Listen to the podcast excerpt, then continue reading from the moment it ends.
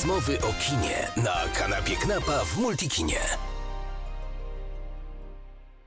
Mateusz Damięcki na kanapie Knapa w Multikinie. Witam cię Mateuszu. Cześć, bardzo mi miło, dziękuję za zaproszenie. I ja dziękuję, że zgodziłeś się przyjść. Mimo tych wszystkich e, trudności udało ci się tutaj dostać. Cieszę się bardzo. Spotykamy się z okazji premiery filmu o psie, który jeździł koleją. I po głośnej roli Furiozie, która była przełomem w twojej karierze, wracasz w tym filmie do roli ojca rodziny, czyli taka spokojniejsza trochę rola. Jak się czujesz z takimi skrajnościami? Grzecznego y, chłopaka y, z uśmiechem i w koszuli w kratę, tak? Ciekawe to, co wspomniałeś. Rzeczywiście ta furioza troszkę zmieniła może nawet nie moją karierę, bo ja sobie tę karierę jakoś tam zaplanowałem. Ona oczywiście rozwija się w zależności od tego, co się dostaje, ale jednak jakiś tam, jakąś tam kontrolę nad tym wszystkim można mieć. Yy, ona nie tyle zmieniła moją karierę, co sposób patrzenia niektórych yy, ludzi na mnie. Mm, najłatwiej zacząć od tej drugiej strony. To znaczy, najlepiej wpłynąć na widza, pokazać mu, że się umie coś innego. Dopiero wtedy, jak będzie z tej drugiej strony zapotrzebowanie, nagle producenci i reżyserzy zaczynają na ciebie inny, inna, inaczej patrzeć. No i zrobiliśmy to po Bożemu, czyli najpierw zrobiliśmy film, który całkowicie odmienił mój wizerunek. Później okazało się, że spodobało się to publiczności. Dopiero wtedy producenci zdali sobie sprawę, że aha, można obsadzać go trochę inaczej, można patrzeć na niego troszeczkę inaczej. E, mogłoby się wydawać, że ta rola ojca w, w, w filmie pod tytułem O psie, który jeździł koleją jest zaprzeczeniem tej, tej, tej mojej teorii. A ja bym uznał, że jest to taka, taki wyjątek, który potwierdza, potwierdza tę zasadę. Bardzo się cieszę, że dostałem tę propozycję. No właśnie też zaraz, zaraz potem okazało się, po, po tej furiozie okazało się, że mogę zagrać znów taką rolę, co oznacza, że, że ci, ci, ci patrzący na mnie w taki, e, e, jak wcześniej sposób e, reżyserzy i producenci jeszcze są.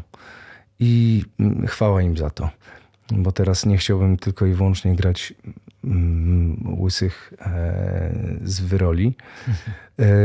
Dla mnie, jako dla aktora, to jest chyba najfajniejsze doświadczenie. Nie, nie do końca samo to, jakie role dostaję, tylko to, że dostaję role różne, różnorakie, które kazają, każą mi się cały czas jakoś tam trzymać w formie i, i, i, i zmuszają mnie do pewnego rodzaju improwizacji.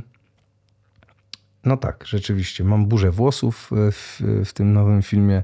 Poprosiłem o dorobienie piegów, żeby jeszcze stać się e, milszym i bliższym widzowi.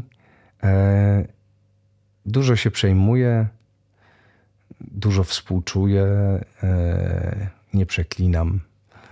E, a noża używam tylko i wyłącznie do smarowania chleba. Domyślam się, że grając rolę w takim filmie familijnym, wyobrażam sobie, że korzystasz dużo z Twojego doświadczenia ojcowskiego.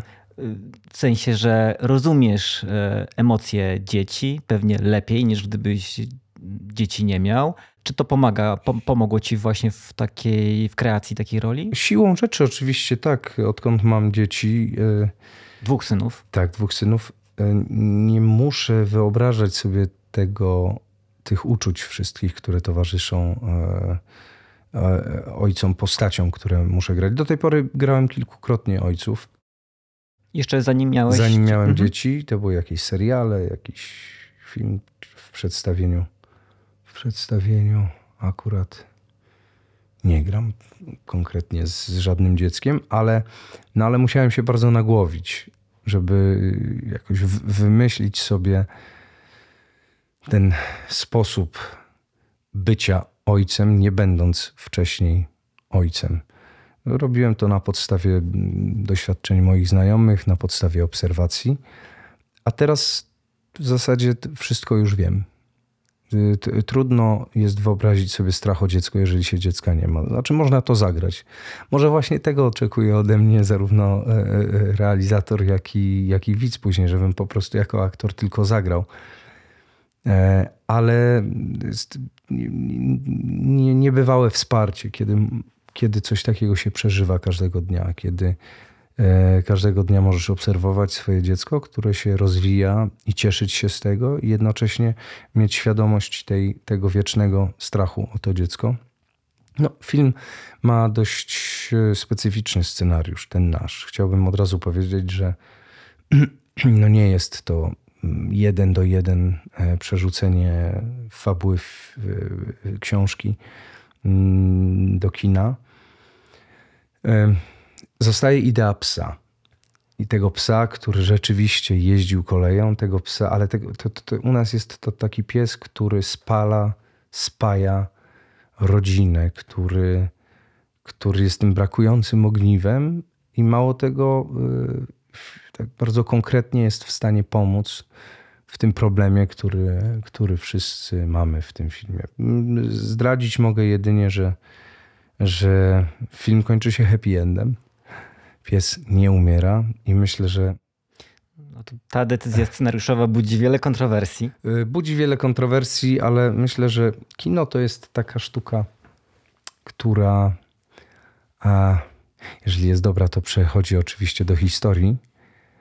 No i możemy ją później obserwować. Dobre filmy możemy oglądać z perspektywy e, i za każdym razem starać się odnaleźć w innych czasach, w różnych czasach, odnaleźć w, w dobrym kinie coś, to byłoby aktualne, ale mimo wszystko takie kino współczesne trzeba umiejscawiać, jeżeli nie jest kinem historycznym stricte ze scenariusza, to trzeba je, je umie, umieszczać w tych realiach rzeczywistych, naszych. Po co w, dzisiejszym, w dzisiejszej dobie wszechogarniającego nas smutku, rozterki, rozpaczy i, i e, e, obawy Mówię tutaj przede wszystkim o tym, co się dzieje za naszą wschodnią granicą, ale mówię też o tym niepokoju ogólnym, który wszystkim nam towarzyszy. Po co, po co kolejny film dla dzieci, który miałby tym emanować?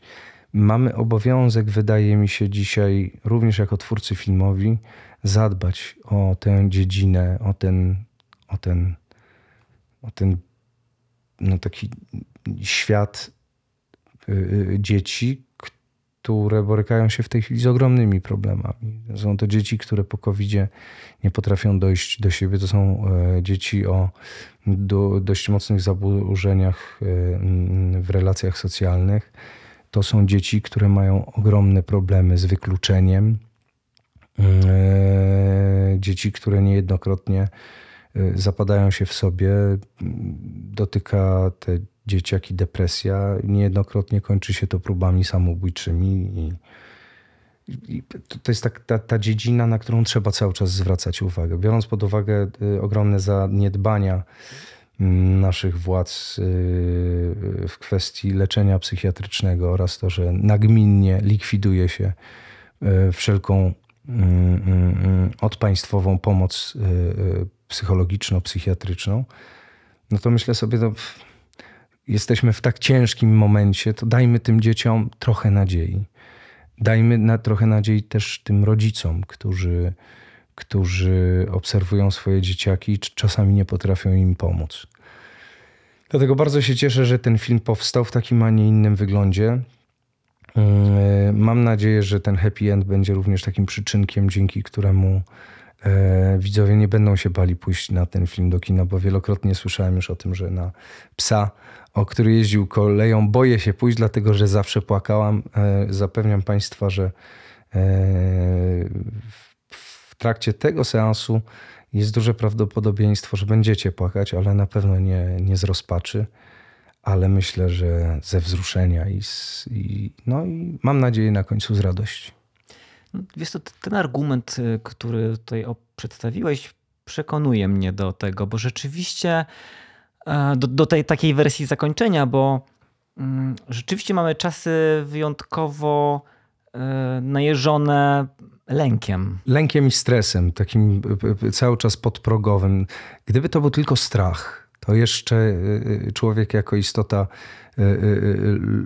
zwierzęca, ten strach pozwala mu również przetrwać. On jest bardzo potrzebny, ale lęk i stres to są te takie czynniki, które które nas wykańczają na co dzień. I bardzo brakuje pozytywnych historii. Mhm. Ja mówię też o, właśnie o polskim kinie, które uwielbia ten sos taki depresyjny, mówiąc oględnie. E, Zakropiony więc... wodą oh. i, e, i, i, i pokazane w bardzo ciemnych, mokrych kolorach. Tak, ja sobie wiesz, nagle wyobraziłem taki o który jeździł koleją w reżyserii Wojciecha Smarzowskiego. Wyobrażasz no, sobie? No, myślę, że... To by się skończyło tym, że po prostu pies, wiesz, zostaje na końcu zdekapitowany przez tak, pijanego ale... dziadka z siekierą. Ale umierałby na pewno w konwulsjach i trwałoby to długo. Dość werystycznie pewnie byłoby to przedstawione, chociaż, chociaż kto wie, nie, nie odbierajmy tutaj decyzji twórczych e, autorowi wspaniałych filmów. Oczywiście. E, ale to w ogóle nie ta kategoria. Myślę, że to jest film, który Y, y, którego nie należy jakby brać pod uwagę w, w, w, takim zwykłym myśleniu o, o kinie. To będzie przypowieść, to będzie opowieść, to będzie mm, to będzie taki kolorowy prezent dla wszystkich, którzy doceniają formę w kinie, dla wszystkich, którzy potrafią odbierać zabawę Y, twórców z, z kolorem, z formą, e, z symetrią na przykład. E, na dzień dobry y, jedna z redaktorek, y, które, które oglądały film, powiedziała, że, że, że, że no Wes Anderson sam przez siebie po obejrzeniu tego filmu nasuwa jej się na, na usta. E, I to bardzo piękna referencja. Myśmy nie, nie bali się ty, ty, czerpać od najlepszych. Mam nawet w telefonie parę zdjęć z planu, gdzie, no, gdzie to wszystko wygląda tak, tak fajnie, tak, tak, tak wszystko jest na miejscu. Ja mam taką historię fajną. Y, przyjechałem, pamiętam, jak już dowiedziałem się, że zagram w tym filmie. Bardzo się ucieszyłem, dlatego że tak, jak się domyślasz, postanowiłem od razu, że zadedykuję ten film moim dzieciom i z tą myślą grałem w tym filmie, z tą myślą mm, tworzyłem swoją postać ale pamiętam, że pojechałem na, e, na przymiarki kostiumów i już w samochodzie byłem wściekły, że na pewno nie będzie kasy na, na, na te pomysły, że na pewno to będzie szare, bury i takie nijakie i że jakieś jeansy mi dadzą.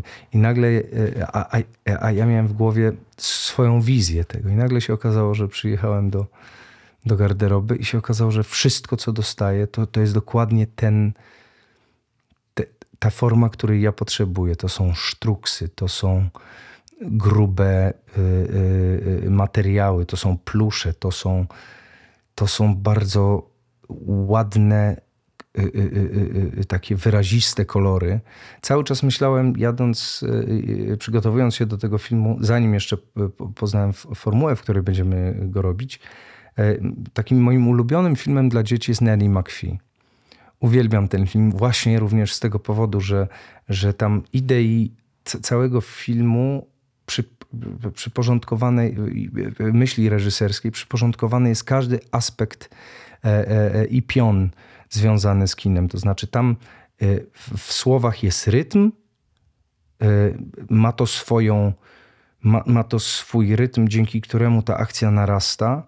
Jednocześnie mamy też scenografię, która jest bardzo spójna z, z, z, z całą opowieścią i te kostiumy, które które nie, nie boją się takiej, takiej jaskrawości. Te, to, to wszystko jest takie, takie no, soczyste.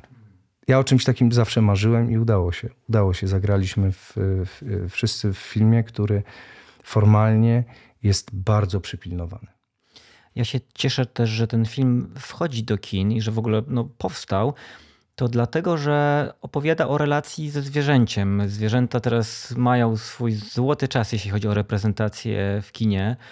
Zyskują jakby swoją taką podmiotowość i są traktowane rzeczywiście jako tacy bohaterowie z krwi i kości. Cieszę się, że tutaj powstał film, który właśnie tę relację ze zwierzęciem hołubi. I zastanawiam się, czy ty w ogóle miałeś kiedykolwiek taką relację ze zwierzęciem? Ja miałem relację ze zwierzęciem i to jest ładne pytanie, dlatego że, że też musiałem się jakoś ustosunkować do tego, że jestem właścicielem psa na ekranie. Ja sam kiedyś... Opiekunem. Tak, przepraszam, opiekunem. Ma racja. Dobra, dobra nomenklatura. E, mm, tak. E, miałem kiedyś kota kota. Miałem 18 lat, nazywał się Budyń. No i był takim to, to przypadało na takie wczesne nasze dzieciństwo. Moja siostra miała 6 lat, kiedy on przyszedł do domu, ja 10. E, no i on wzrastał razem z nami. On miał, ja miałem 28 lat, kiedy on od nas odszedł. To, no to kawał czasu, to kawał, kawał historii. Mm, kiedyś pamiętam, kiedy wypadł nam z trzeciego piętra i pogruchotał sobie E, kości o, o, barierkę wystającą, ale udało nam się go odratować. Kiedyś pamiętam, że przyjechał między koncertami swoimi e, e, i wyjazdami mój tata do domu, tylko wziąć nową zmianę bielizny, jakąś kurtkę i, i musiał jechać z powrotem. I pamiętam, że był w domu 30 minut. I te 30 minut poświęcił kotu. Siedział przy tym kocie. Było to dla nas bardzo wszystkich wzruszające. No, budyń był wyjątkowy te, teraz kontaktu ze zwierzętami nie mam większego. Okazało się, że mam jakieś uczulenia niewielkie, które drażnią mm, moje układy. E, e, gorzej mi się mówi e, często, kiedy jestem w, w, w, w towarzystwie zwierząt. Ze względów zawodowych nie mogę sobie za bardzo na to pozwolić. Dodatkowo moja żona jest uczulona na koty. I żałuję tego bardzo, dlatego że uważam, że to nasze wychowanie z, z, z kotem e, no, było takie dopełnione. Myśmy naprawdę traktowali Budynia jako pełnowartościowego, pełnoprawnego członka rodziny, który miał swoje prawa, swoje obowiązki. Mm, on też spełniał funkcję takiego tranquilizatora. On bardzo nas uciszał wszystkich i uspoka uspokajał. No, dużo się też od niego nauczyliśmy, także dla mnie jest to oczywiste. Ładnie opowiadasz o, o, o właśnie relacji z kotem. 18 lat, ładny wiek. To jest też film o sile więzi rodzinnych. Wydaje mi się, że tu masz wiele ciekawego do powiedzenia, ponieważ sam pochodzisz z rodziny, po pierwsze aktorskiej, gdzie tradycje aktorskie są bardzo silne, ale też jak sądzę właśnie, w których rodzina daje duże oparcie, dużo, dużo wsparcia. Tak to sobie wyobrażam. Nie, może jeśli jest inaczej, może, może powiedz. To, to jest dokładnie tak, jak mówisz, y, z tym, że ja mam 42 lata i nadal za każdym razem, kiedy, kiedy pojawia się taka kwestia, dalej nie mogę w ogóle nie mogę sobie wyobrazić sytuacji, w której dziecko nie może liczyć na własnego rodzica, w której mm, w której ta sytuacja, którą my przedstawiamy w, w, w kinie, w naszym filmie, jest czymś wyjątkowym. Dla mnie to nie jest nic wyjątkowego i tym bardziej cieszę się, że zrobiliśmy taki film, żeby, żeby emanować tą, mm, no, tą zdolnością do okazywania sobie uczuć, do, do przyznawania się do, do, do miłości, do, do takiego, no nie wiem, traktowania tego wszystkiego bardzo po prostu. Słyszysz hasło rodzina. E, z czym ono ci się kojarzy? No na pewno z ogromną więzią i z, odp- i z odpowiedzialnością, przede wszystkim też z ogromną miłością. I no, w tym filmie poruszamy bardzo trudny, e, e, trudny taki, mm, takie trudne zagadnienie, jakim jest w ogóle możliwość poradzenia sobie i uporządkowania w głowie takiej sytuacji przez rodzica, kiedy, kiedy jego dziecko jest chore. I pod tym względem ten film nie bierze jeńców, to znaczy on będzie dość, dość, dość mocno wzruszający, ponieważ musieliśmy to oprzeć na konkretach i mu, musieliśmy pokazać, że, że to dziecko naprawdę stoi gdzieś tam nad przepaścią i że jeżeli czegoś się nie zrobi, to, to grozi mu to grozi mu śmierć. I wejście w te relacje y, y, ojciec-córka, akurat w przypadku tego, tego scenariusza, było dla mnie z jednej strony łatwiejsze, tak jak powiedziałem, bo wiedziałem mniej więcej na czym to budować i jak to opierać, ale z drugiej strony to było oszałamiająco y, takie rozbrajające doświadczenie i takie uczucie. Dlatego, że ilekroć wyobrażałem sobie, że, że spotyka to mnie naprawdę, to naprawdę odbierało mi mowę i odbierało mi dech. E, być może uda nam się być jakimś wsparciem, być może uda nam się być jakąś, y, y, stworzyć jakąś nadzieję dla tych wszystkich, którym czasami już brakuje sił w tej walce. Walce o to, żeby dziecko,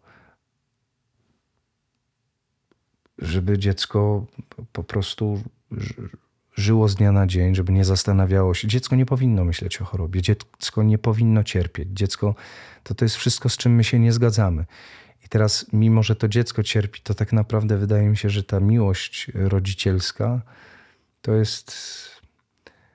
Ona jest tak wielka, że to, to, to, to uczucie e, e, smutku towarzyszące takim rodzicom jest, no jest przejmujące. Sam mam dzieci i nie chciałbym, żeby spotkało je cokolwiek e, złego. I ten film też będzie pokazywał, że, że naprawdę nie ma nic piękniejszego niż ta relacja. E, e, niż ta, niż ta odpowiedzialność. Pod, pod tym względem i to ciepło, które razem, które razem wszyscy w, ty, w tej komórce rodzinnej wytwarzamy. Ja, ja tak tak. Jestem w miarę młodym ojcem, bo mój starszy syn ma 5 lat, więc w miarę młodym ojcem jeszcze. Nie mam dorosłych dzieci. I oczywiście biegnę, biegnę, biegnę. Każdy dzisiaj biegnie. Ale tak na dobrą sprawę, kiedy ostatnio zrobiłem sobie rachunek sumienia, to zdałem sobie sprawę, że że, że mimo, że praca z prawami ogromnie dużo satysfakcji jest też oczywiście przydatna, dlatego że dzięki niej możemy pozwolić sobie na różne rzeczy. Ale jakbym tak miał wybrać jedną, jedyną rzecz, to jest, to jest taka niedziela, kiedy po spacerze z rodziną idziemy na lody, później e, nasze dzieci bawią się klockami, a my co jakiś czas tam im pomagamy, a sami z żoną gramy w grę e, e, planszową.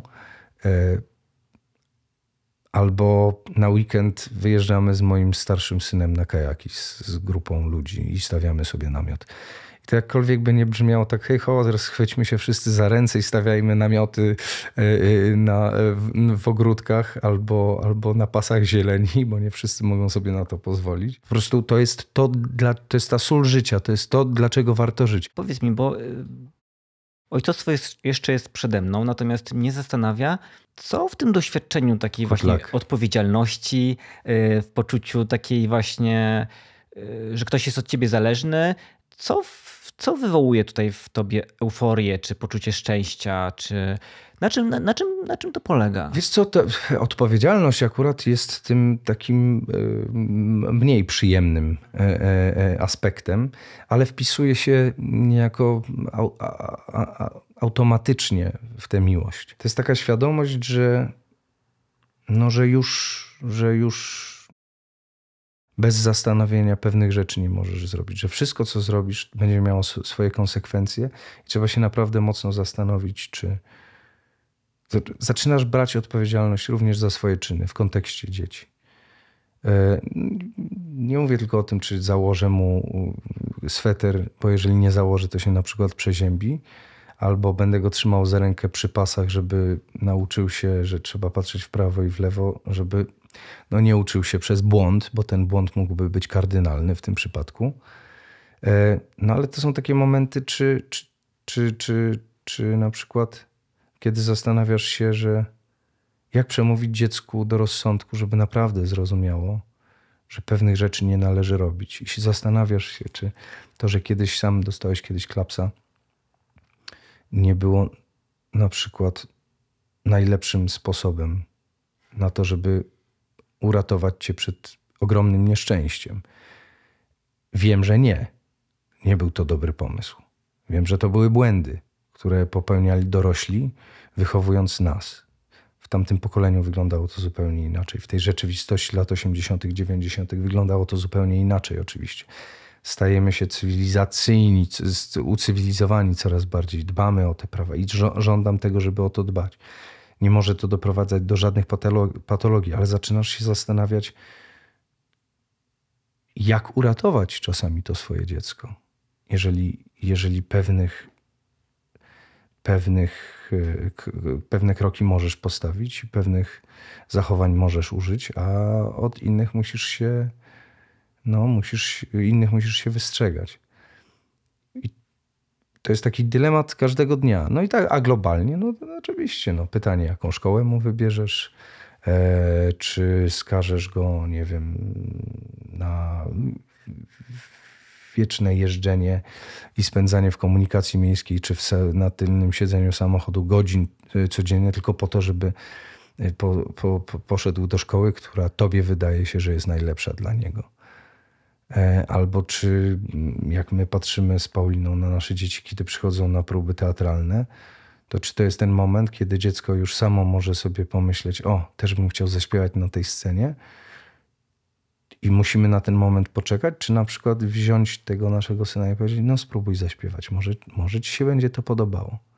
Nie chciałbym, żeby kiedykolwiek moje dziecko powiedziało mi, że cokolwiek za niego zostało wybrane a ty masz takie poczucie, że za ciebie zostało wybrane w związku z tymi tradycjami właśnie, wiesz, że w jakiś sposób, no właśnie teraz, że teraz na przykład twoje dzieci uczestniczą jakby w próbach i tak dalej, no wiadomo, że to w pewien sposób dodaje nikt, skrzydeł, dodaje nikt, odwagi. Nikt nigdy mi niczego nie kazał, nikt, zawsze były to propozycje e, e, i jestem w 100% pewien, że kiedy decydowałem się na przykład na wzięcie udziału w przedstawieniu teatralnym, to robiłem to, to moja motywacja była dziecięca. Znaczy, bo byłem dzieckiem, miałem 5 lat, no nie mogłem być kalkulującym dwudziestolatkiem w wieku 5 lat. Więc e, e, mimo, że ostatnio przypomniało mi się, że cieszyłem się, że dostaję za każde przedstawienie chyba 10 tysięcy złotych, mm, w 86 roku grając w sali kongresowej w Pastorałkach. I, I tak gdzieś tam przypomniało mi się ostatnio, że, że, że chciałem zebrać na kolażówkę, mimo że była na mnie za duża, za wysoka ta rama. Ale, ale, ale wiem, że to nie była moja motywacja. To było jakby postscriptum, kiedy się dowiedziałem, że w ogóle będę dostawał za to pieniądze. To, że wziąłem udział w tym przedstawieniu, e, przyczyną tego było to, że, że uwielbiałem siedzieć z tatą w teatrze. Uwielbiałem chodzić do e, garderób aktorów i patrzeć, jak się przebierają, i samemu zakładać ich peruki. E, uwielbiałem, kiedy jeden z drugim aprzminką albo jakimś białym, e, białym tuszem smarował mi czoło. Jak inny aktor pokazywał mi, przypalając korek, że tak się maskuje łysinę. Mm, miałem w ręku zajęczą łapkę mojego dziadka, który, który jeździł z nią po całej Polsce, w, grając przedstawienia objazdowe i pudrując się nią. Widziałem rekwizyty, dotykałem tych rekwizytów, chodziłem za kulisy, zapalałem światełka, ciągnąłem za liny, e, włączałem mechanizm e, sceny obrotowej, naciskałem guzik, dzięki któremu podnosiła się bądź leciała w dół kurtyna. No to naprawdę było bardzo atrakcyjne dla mnie, jako dla dziecka. I Można... naturalne. I, i naturalne. To, to, to, ja tam siłą rzeczy spędzałem dużo czasu z, z moim ojcem w tych miejscach. I ten świat y, nie traktował mnie jako intruza, tylko jako, jako no, kolejnego głupka, y, w, w, który, który da się złapać magii tego, tego zawodu, tego świata. E, i, I się dałem złapać. I to, I to nie jest tak, że, ja, że, że ktokolwiek do czegokolwiek mnie zmuszał. Ja, ja po prostu w tym sosie wzrastałem i przesiąkałem nim. Cały czas, od początku do końca. I masz jakieś takie wewnętrzne pragnienie, że twoi synowie pójdą tą samą drogą? Czy... Mimo, że jestem aktorem, mam dość ograniczoną wyobraźnię. Trudno mi jest sobie wyobrazić zawód, e, który w moim przypadku zaspokoiłby moje oczekiwania odnośnie życia. E, także nie znając, e, nie będąc moimi synami i mając świadomość, że każdy ma inne pasje, że pasje nie wybiera, ty nie wybierasz pasji, tylko pasja wybiera ciebie, że pewne rzeczy dzieją się przez przypadek. Że tak jak tutaj patrzymy na tego taxi drivera, ja w wieku lat 16. Mówimy o plakacie e, właśnie tak, taksówkarza. W wieku lat 16 E, po prostu włączyłem VHS-a i było napisane taksi i ja byłem przekonany, że to będzie jakaś ściganka. I że, że będą jeździli po, po Nowym Jorku i strzelali do siebie. A później się okazało, że włączyłem tego taxi drivera przez przypadek i przez trzy dni miałem stan podgorączkowy. I, I mimo, że wiedziałem, że pewnie zostanę aktorem, mimo, że przesiąkałem tym sosem i nie było dla mnie być może innej drogi, to akurat Taxi Driver był tym, tym, tym takim triggerem, który, który mnie uruchomił do, do takiego peł, do pełnej świadomości, że, że, tego naprawdę, że tak naprawdę tego chcę. Że chcę bawić się w takie rzeczy, że to jest coś, że ten świat to, to jest coś ponad ganianie się samochodami po ulicach, e, tylko że, że sztuka filmowa może przekazywać naprawdę fundamentalne wartości. I dla ludzi, którzy ich nie czytają ze świata, tak po prostu, czy przez wychowanie, czy przez, e, przez szkołę, e, otoczenie, być może film, bo są tak skonstruowani, będzie jedynym dostawcą informacji, jak powinno się żyć, jak powinien ten świat wyglądać. No, znam wiele takich osób, więc. y, Ale to. Czyli... Także ja nie wiem, y, Mhm. ja sobie nie jestem w stanie wyobrazić, bo y, y, ja już też zdałem sobie sprawę kiedyś, że kurczę, no mógłbym być, chciałbym być lekarzem. Wiadomo, że trzeba byłoby się poświęcić temu w 100%, tak jak każdej innej profesji, którą traktujesz na poważnie. W przypadku bycia lekarzem, to, to jeszcze są jakieś tony wiedzy, które musisz posiąść, ogromny talent, który musisz jednocześnie mieć. Nie znam e, lekarzy bez talentu, y, powołanie. Y, No i przede wszystkim czas, który poświęcasz, zarówno na zrobienie studiów podstawowych, później specjalizacji, e, praktyki i tak dalej, i tak. Więc to naprawdę to jest tak, że wchodzisz do tej rzeki i, i płyniesz już z nią. To już nie da, się, nie da się cofnąć tego. A ja dzięki temu mojemu zawodowi byłem lekarzem wielu, i to wielu specjalizacji wielokrotnie. Ja byłem też rycerzem kiedyś w, w filmie pod tytułem Afera na zamku Bernstein 1409. Mm, I grałem tam Zbyszka z Bogdańca e, bez, mm, e, e, je- jeżdżącego na koniu bez, bez, e, bez e, siodła. Dzięki temu przeniosłem się nie tylko w, w takiej rzeczywistości mojej, ale również i w czasie o 600 lat. Mój zawód daje mi ogromną radość ciągłej zmiany, e, a przez to, że dzięki profesjonalizmowi, który jakoś tam stał się moim udziałem przez lata praktyki, mogę się do tego przy, przygotować. Dzięki kostiumom i e, mogę się przedzierzgnąć łatwiej w taką postać. I wszyscy mi w tym pomagają. I to staje się coraz bardziej realne. I zaczynamy oszukiwać ludzi już wszyscy na tym planie. I wszyscy gramy do jednej bramki i nagle ta osoba dostaje jakiś efekt końcowy i naprawdę czuje się oszuka i czuje się z tym dobrze. Że nagle opowiadamy historię, która przecież wiadomo, że to jest Mateusz Damięcki, który gra jakiegoś bohatera. No ale nagle ja golę łys, głowę na łyso, spędzam pół roku na siłowni i nagle ludzie mówią, ale to nie jest już on.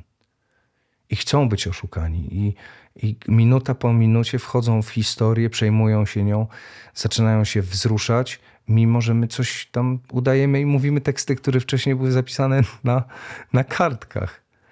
I to jest. Nie jestem w stanie sobie wyobrazić nic atrakcyjniejszego. Moi synowie wybiorą to, co sobie wybiorą. Prosiłbym tylko, oczywiście mogę sobie prosić, żeby to nie były mm, takie rzeczy ryzykowne. Jak sam po, po, jako dzieciak, po już dor, ale już dorosła osoba, e, e, pojechałem na kurs mm, e, paralotniarski.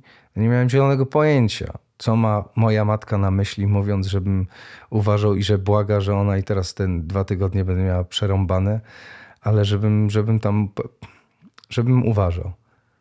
No, No teraz już wiesz. teraz, teraz już wiem. W tym kontekście jeszcze właśnie w takim tym kontekście e, opiekuńczej roli rodziny i, i w ogóle wzorów, które odziedziczyłeś po swojej rodzinie, się zastanawiam, czy jakby ta tradycja aktorska pozwoliła ci się uchronić przed e, właśnie takimi, nie wiem, przemocą właśnie. Teraz bardzo dużo się mówi o, o, o przemocy w teatrze. Mamy właśnie Krystiana Lupę na przykład. I ja się, wiesz, zastanawiam, czy wy sobie o tym, wiesz, rozmawiacie, mówiąc, że nie, słuchaj, z tym to nie pracuj, bo to jest w ogóle wariat i będzie po prostu wrzeszczał i, będzie, wiesz, e, to będzie nieprzyjemna praca, czy zastanawiam się, czy właśnie Nasz świat, świat ten, tej, ten, ten artystyczny świat kina i teatru e, ma swoją mgłę,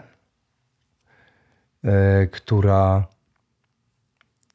która się rozrzedza dopiero kiedy się wchodzi do środka. Ona to na zewnątrz wygląda bardzo mgliście. Ktoś, kto jest całkowicie spoza branży, spoza tego świata, może sądzić, może zasłuchiwać informacji i na podstawie tego coś, coś sobie wymyślać, ale tak naprawdę nigdy nie będzie, nikt nigdy nie będzie wiedział spoza tego świata, jak jest naprawdę. Kiedy jesteś w środku, zdajesz sobie bardzo szybko sprawę z tego, że tego świata nie tworzy nic poza ludźmi. Nic. Tak jak w wielu innych dziedzinach życia. Tylko, że tutaj mamy do czynienia z naprawdę przedziwnym światem, bo to jest świat, który wymaga od y, twórców tego świata, od architektów tego świata, e, no, ogromnych predyspozycji.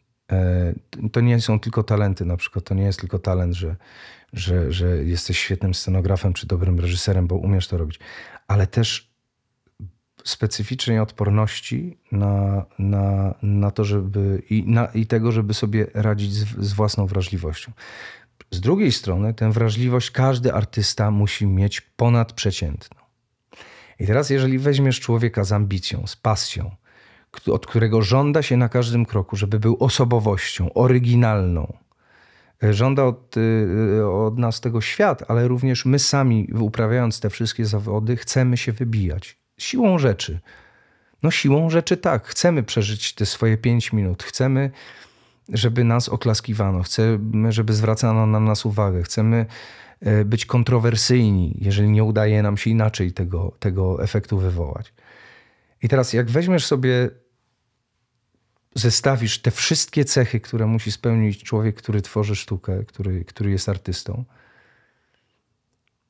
no to trzeba sobie wyobrazić, że gdzieś musi być miejsce na upust tego wszystkiego. To znaczy na to, żeby się gdzieś, żeby gdzieś odreagować, na to, żeby gdzieś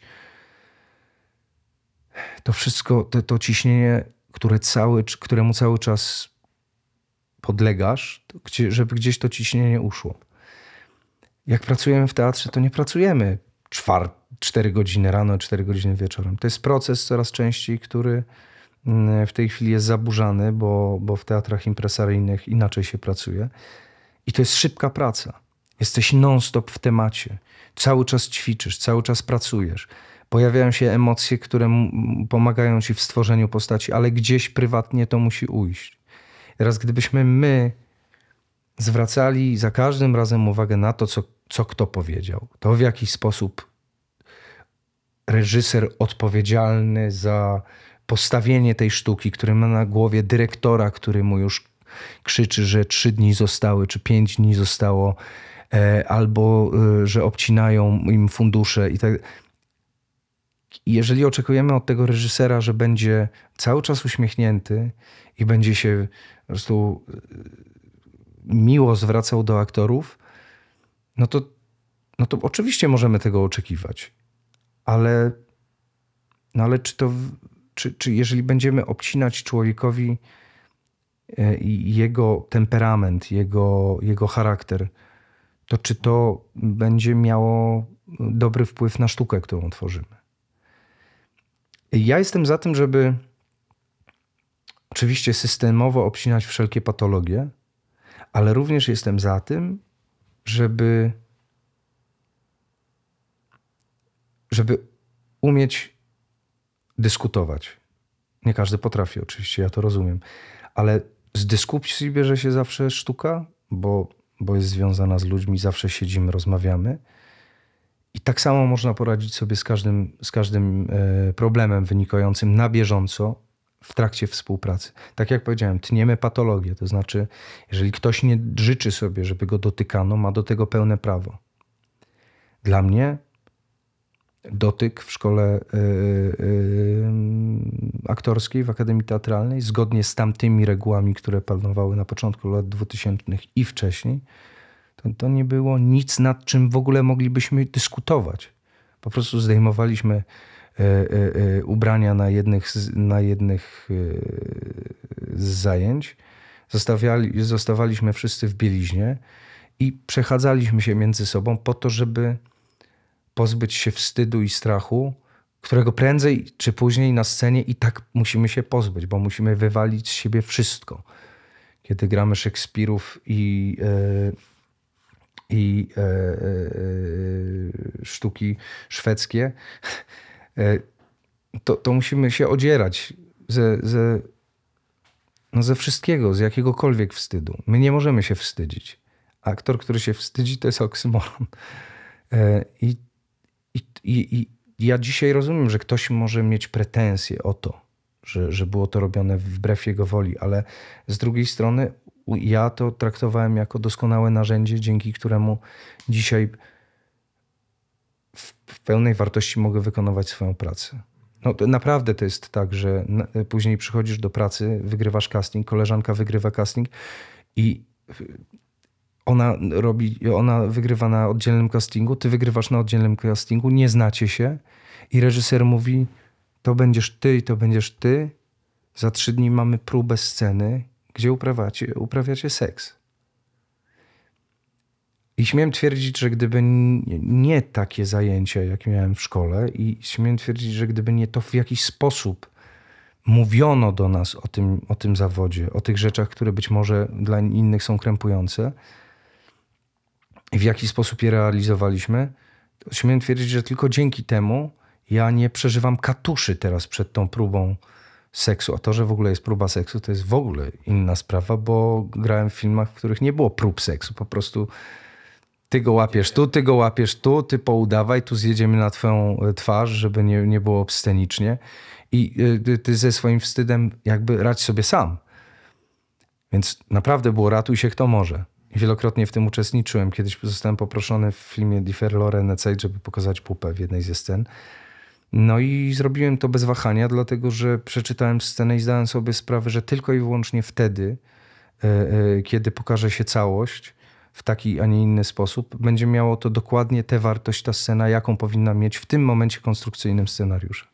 Tylko tak się zastanawiam, bo e, na przykład to, o czym teraz się mówi w kontekście Krystiana Lupy, to mam wrażenie, że to jest opowieść o nadużyciach władzy po prostu. W sensie, że to jest, wiesz, że... Masz, mm, masz rację. I, i zastanawiam się, czy wiesz, czy kwestia, mówisz właśnie stop patologii, tylko właśnie co, gdzie jest ta granica, kiedy mówimy o patologii, a kiedy właśnie...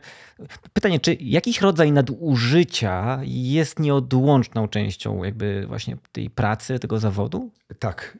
Dlaczego? Mhm. Dlatego, że nadużycie zaczyna się wszędzie wtedy, kiedy wychodzisz poza strefę swojej osobowości i siebie. I siebie. Nigdy nie weźmiesz odpowiedzialności, jak słowa, które wypowiesz, zostaną odebrane przez inną osobę. Stworzony został pewnego rodzaju kodeks w teatrze i w kinie, dzięki któremu my poruszaliśmy się i wiedzieliśmy, że, że, że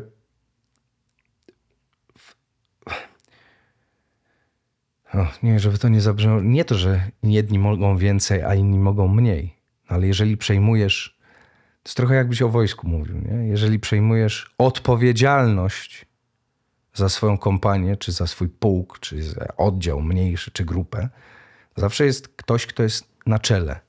I musi wziąć odpowiedzialność. On będzie z tego rozliczany i jeżeli się powiedzie, to on dostanie oczywiście największy, naj, naj, najbardziej złoty medal. Ale jeżeli się nie powiedzie, to on ma przerąbane, bo on będzie odpowiedzialny za, za zdrowie, i życie ludzi, których ma pod sobą. Wyobrażasz sobie wojsko, w którym, e, w którym generał o coś prosi, albo pułkownik, który o coś prosi. Ale czy... zdajesz sobie sprawę, że porównujesz właśnie zespół aktorski do wojska. Zdaję sobie sprawę. Ja mówię tylko o pewnego rodzaju relacji. To znaczy, mm -hmm. wszyscy zgadzamy się na to, że. Właśnie widzisz, jeszcze jest inaczej. W wojsku jest tak, że czasami jesteś przymuszony do tego, jeżeli masz e, zasadniczą służbę wojskową, e, która nie jest zależna od ciebie. Kiedyś tak było. Ale teraz, jak idziesz do wojska, to wiesz, na co się piszesz. Oczywiście, jeżeli jest nadużycie, masz prawo i obowiązek je zgłosić. Ale z drugiej strony, jak przychodzisz do takiego teatru, chcesz być aktorem, no to musisz wiedzieć, że ty jesteś aktorem, a nie reżyserem i że to reżyser bierze odpowiedzialność. Trzeba go obserwować, zobaczyć, jak się zachowuje. Trzeba zobaczyć, czy to ci odpowiada. I jeżeli się boisz zaryzykować, podejść do reżysera po pierwszej próbie i powiedzieć: Przepraszam bardzo, ale Nie podoba mi się sposób, w jaki sposób, w jaki, jakby sposób, w jaki, w jaki wyra- odnosisz się do mnie. Jeżeli boisz się zaryzykować, że stracisz pracę po, takim, e, po takiej uwadze, to mimo wszystko jest to już twoje ryzyko. Nikt się nie powinien bać, oczywiście, zwrócić uwagę na coś takiego. Dlatego powiedziałem o tej rozmowie. Dlatego powiedziałem o tym, o tym, że każdy, przede wszystkim każdy musi znać swoją wartość. Jeżeli się na coś zgadza, to się zgadza. Jeżeli się nie zgadza, to się nie zgadza. Jedno jest pewne: nikt za reżysera nie weźmie odpowiedzialności e, za zrobienie przedstawienia czy filmu, e, a za tym idzie nie tylko blichtr e, przy ewentualnym sukcesie, ale również ogromna odpowiedzialność w momencie, kiedy coś pójdzie nie tak. Jeżeli reżyser nie przypilnuje, nie przypilnuje, czyli może nie dociśnie. A jak dociśnie? No już nie wiem jak. Jeden dociska tak, inny dociska inaczej. Chciałbym, powiem tak, oczywiście łatwiej jest mi mówić. Mam doświadczenie teatralne, e, jeżeli licząc od szkoły teatralnej, to i tak spore, a jeżeli chodzi o doświadczenie zawodowe w serialu, czy przed kamerą w ogóle w filmie, to jeszcze większe.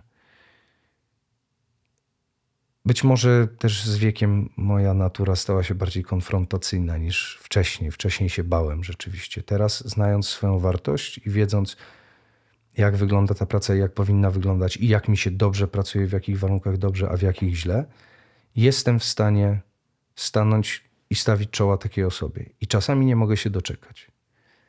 Czasami sobie myślę, no przesać, no przesać. Ja już nie mam 20 lat. Nie wykorzystasz tego, że, że jestem młokosem nieopierzonym. Nie wykorzystasz tego. Być może młodo wyglądam, ale dokładnie wiesz, czemu tutaj jestem, bo sam mnie zaprosiłeś do tej pracy. Oczywiście, mówię, być może jest mi łatwiej.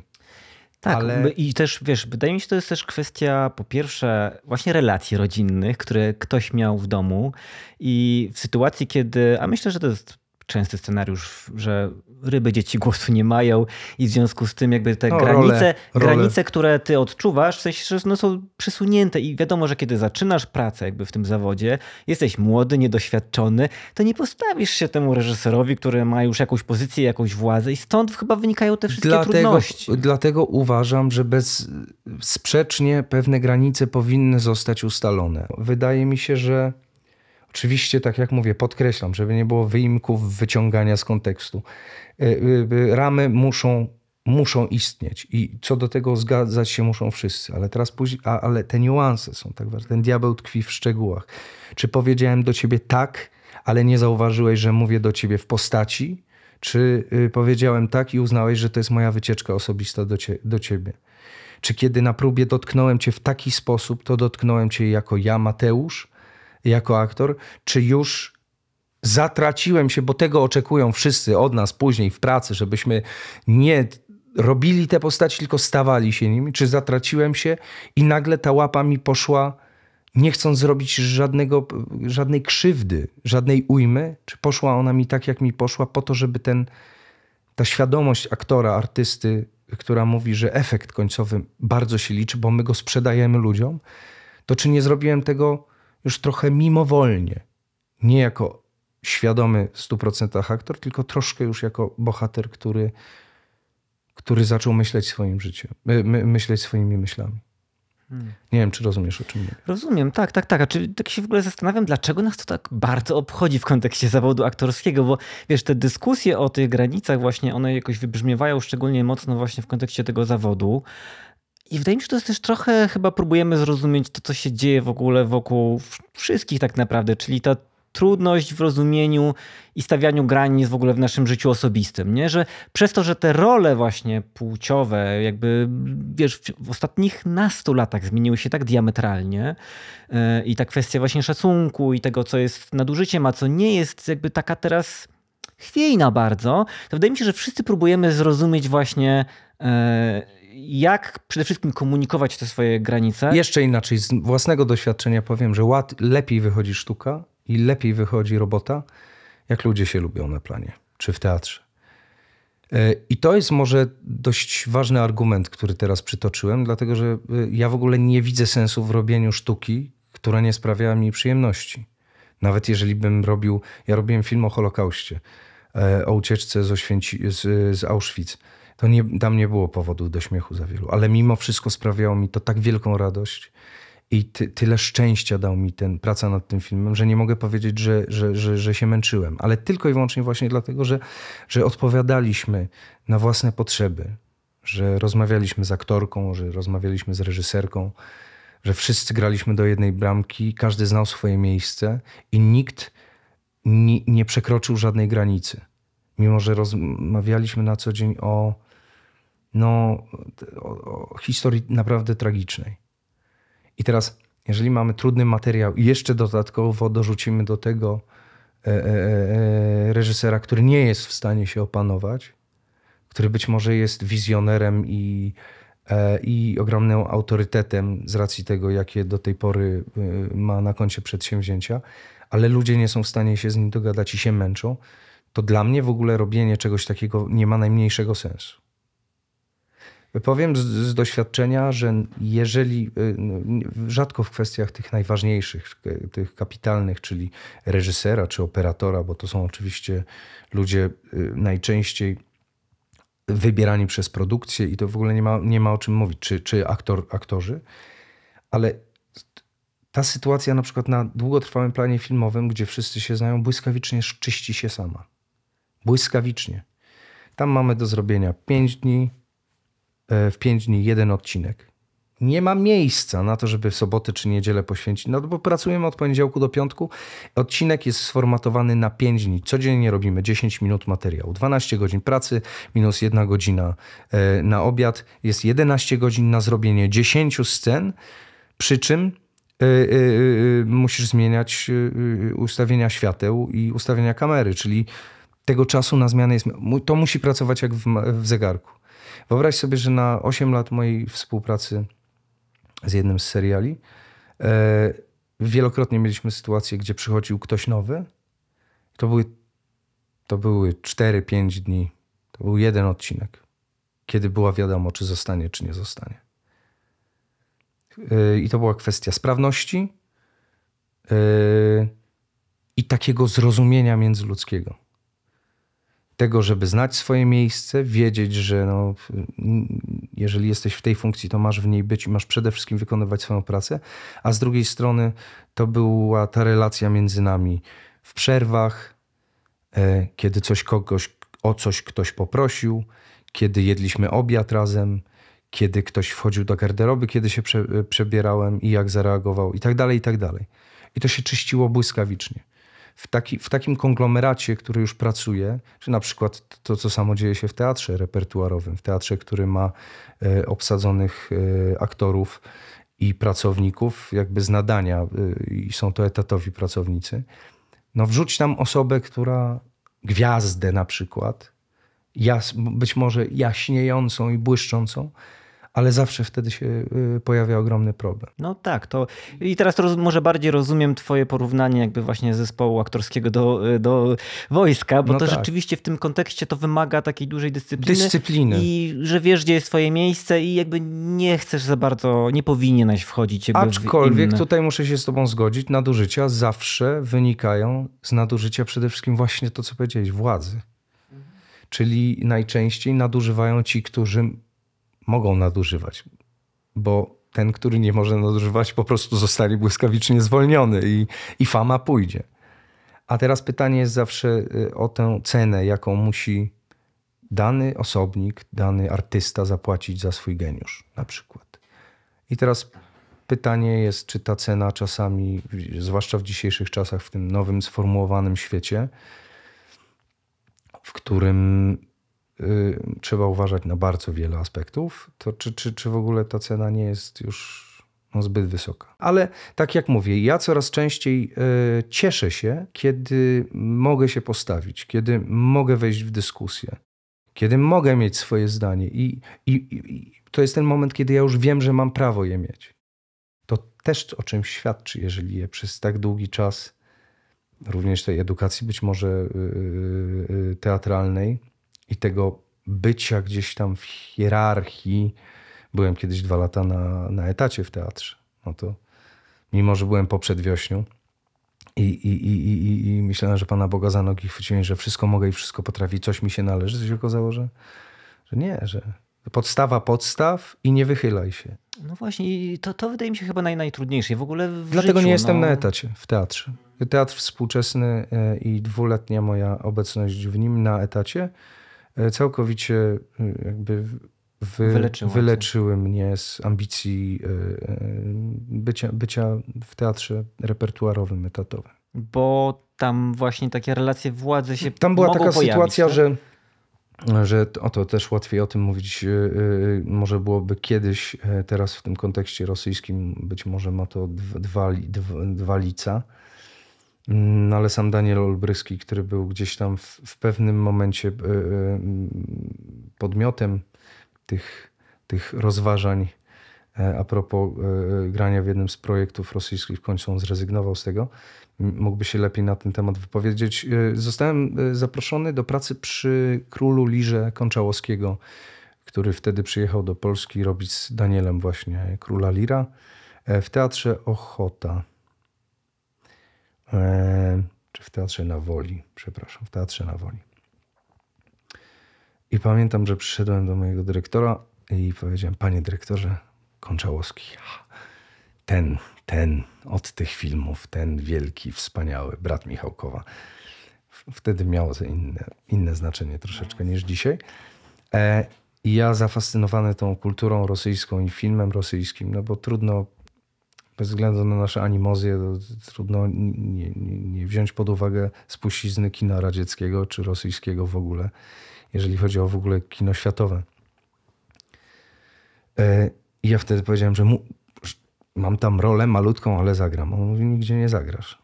Ja ci płacę etat, nigdzie nie zagrasz. Ja mówię, ale ja tu nie mam prób.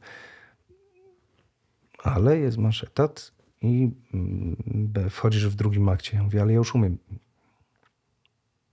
Przyjeżdża pan Przoniak z Paryża, będziesz na próbach. Ale ja tutaj nic nie... nie. I tak próbowałem jeszcze coś, ale, ale, ale, ale nagle zdałem sobie sprawę, że mam umow- umowę podpisać. I z drugiej strony sobie myślę, no jak inaczej stworzyć teatr, jeżeli nie będziesz miał ludzi, którzy będą przychodzili na próby. I ja to rozumiem, tylko że ja się w ogóle do tego nie nadaję. Bo wtedy y, runął mi świat. E, Bo, bo miałem wrażenie, że doświadczenie zagrania w przedstawieniu teatralnym w reżyserii Konczałowskiego z Danielem Olbryskim w roli głównej e, przy wtórze chyba Słomczyński był, e, był na podstawie jego tekstu, jego tłumaczenia robiliśmy i on był na tych próbach. Tłumacz. Ym, Nie jestem pewien, czy akurat był to pan Słomczyński, ale, ale był ten, ten tłumacz na, na tych próbach. I, i ten, ta grupa tych ludzi mnie oszałamiała i myślałem, że właśnie, że, że właśnie mi się udało, że to jest ten moment, że, że to będzie wielki triumf. No ale skończyło się na tym, że miałem etat 900 podstawy i, Można szaleć. i można szaleć.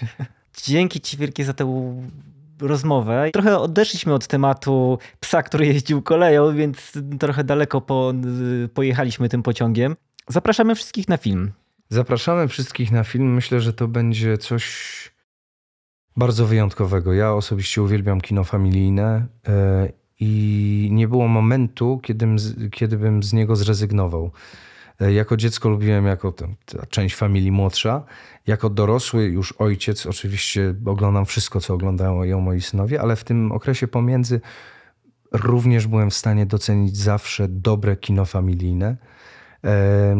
Tutaj mamy ładne podstawy e, i, i ładne referencje. E, Oczywiście myślenie Magdy Nieć, reżyserki, jest bardzo oryginalne i, i, i autorskie, ale nie baliśmy się korzystać z, z doświadczenia i z efektów e, tych najlepszych. Mam nadzieję, że to wyjdzie w naszym e, filmie.